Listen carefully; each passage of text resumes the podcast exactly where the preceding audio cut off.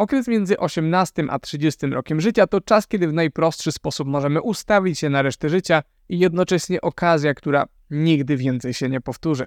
Na przykład, jeśli w wieku 20 lat zaczniemy inwestować 300 zł miesięcznie, zakładając 7% stopę zwrotu, w wieku 65 lat na koncie zobaczymy ponad 1 100 tysięcy złotych. Jeśli zaczniemy mając 30 lat, na koncie nie zobaczymy nawet połowy tej kwoty i co ciekawe, nawet jeśli zwiększymy nasze wpłaty dwukrotnie do 600 zł miesięcznie, nie dojdziemy do miliona stu tysięcy. Szkoła wam tego nie powie, ale bycie dwudziestolatkiem to ogromna szansa, która nigdy więcej się nie powtórzy i dlatego warto wyznaczyć sobie finansowe cele i wykorzystać ją jak najlepiej. Dwa pierwsze z tych, które dzisiaj zaproponuję, to absolutna podstawa. Trzy ostatnie będą znacznie trudniejsze, ale są one pierwszym krokiem do wcześniejszej emerytury czy wolności finansowej. Pierwszy cel spłacić długi. Przede wszystkim lepiej w ogóle nie znaleźć się w sytuacji, w której jesteśmy w długach, ale różnie to w życiu bywa. Na szczęście w Polsce nie musimy brać kredytu na studia tak jak ma to miejsce w Stanach, dzięki czemu problem ten nie będzie dotyczył aż tak dużej części z Was. Jeśli jednak macie jakieś zobowiązania, należy je jak najszybciej spłacić, zaczynając od tych kredytów i pożyczek, które są oprocentowane najwyżej i co za tym idzie kosztują najwięcej.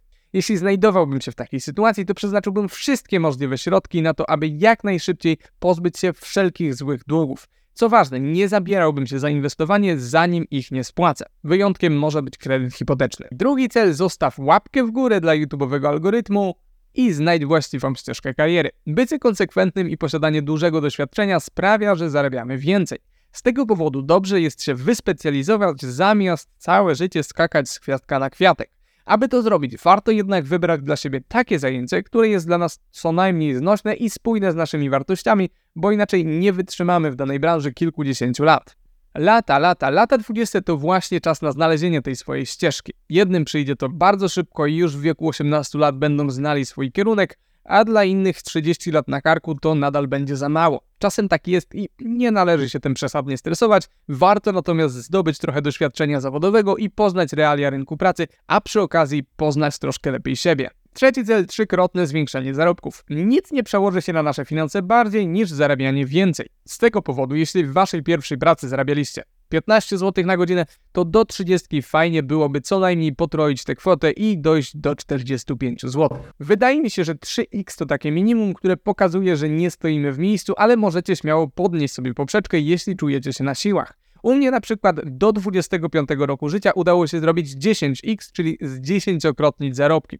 Więcej na ten temat i o tym, jak udało mi się to zrobić, napisałem w swoim darmowym newsletterze i można zapisać się do niego z linku poniżej, aby jutro go dostać. Zostanie on wysłany bez względu na to, kiedy oglądacie. Najważniejszym elementem zwiększania zarobków jest jednak na pewno podnoszenie kwalifikacji i edukacja. Można to zrobić za darmo albo inwestować w kursy, szkolenia i mentoringi. Cel czwarty oszczędzanie 50% zarobków. Na początku może to być nierealne, ale wraz ze wzrostem zarobków dobrze byłoby przed 30 dojść do sytuacji, w której jesteście w stanie oszczędzić 50% tego, co wpływa na wasze konto. Będzie wymagało to pracy nad swoim charakterem, a więc konsekwencji, determinacji i panowania nad impulsami. Będzie też trzeba wypracować sobie odpowiednie systemy i umiejętności, jak spisywanie wydatków, podział na różne konta czy nawyk płacenia najpierw sobie. Jednym przychodzi to łatwiej, inni trochę muszą ze sobą powalczyć, żeby tego dokonać, ale jeśli skupicie się na podnoszeniu kwalifikacji i zwiększaniu zarobków, będzie to możliwe, szczególnie jeśli sprawdzicie filmik o tym, jak zacząć oszczędzać poważne pieniądze od zera, który nagrałem jakiś czas temu. Piąty cel inwestowanie. Uważam, że do 30 każdy powinien zacząć inwestować te zaoszczędzone pieniądze i tym razem nie mówię tylko o inwestowaniu w siebie. Dla jednych mogą to więc być bezpieczniejsze i pozbawione zmienności obligacje skarbowe, dla innych nieco bardziej ryzykowne akcje, najlepiej w formie ETF-ów, a dla jeszcze innych nieruchomości. Przykład z początku filmu dobrze obrazuje, że im wcześniej zaczniemy, tym lepiej i każdy rok zwlekania jest tutaj bardzo istotny. Długoterminowe inwestycje najlepiej jest prowadzić w ramach konta IKE, aby na koniec inwestycji uniknąć potwornego 19% podatku belki. Myślę, że dobrym celem byłoby do 30 mieć na takim koncie przynajmniej 100 tysięcy złotych. Nawet jeśli przestaniemy inwestować nowe środki na tym etapie, kwota ta powinna dać nam około miliona złotych na emeryturę. Zadanie nie jest jednak takie proste, bo IKE jest na tyle potężnym narzędziem, że rząd nie pozwala wpłacać tam za dużo pieniędzy, ustalając roczne limity. Nie możemy więc na przykład wpłacić całej tej kwoty mając 29 lat.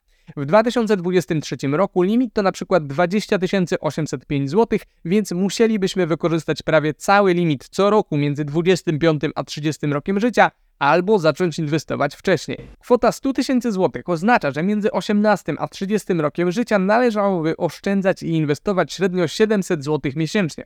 Dla 18-latka będzie to kwota duża albo bardzo duża, ale pamiętajcie, że mówimy tutaj o średniej. Bez względu na to, czy zainwestujemy tę kwotę w ramach IKE, czy poza nim, ważne w jakie aktywa ulokujemy swoje środki. Podstawowe zasady to, aby unikać wysokich opłat, dopasować poziom ryzyka do swoich potrzeb i nie inwestować w coś, czego się nie rozumie. Aby inwestowanie stało się proste i skuteczne, odsyłam na playlistę Inwestowanie dla początkujących i warto ją obejrzeć od deski do deski.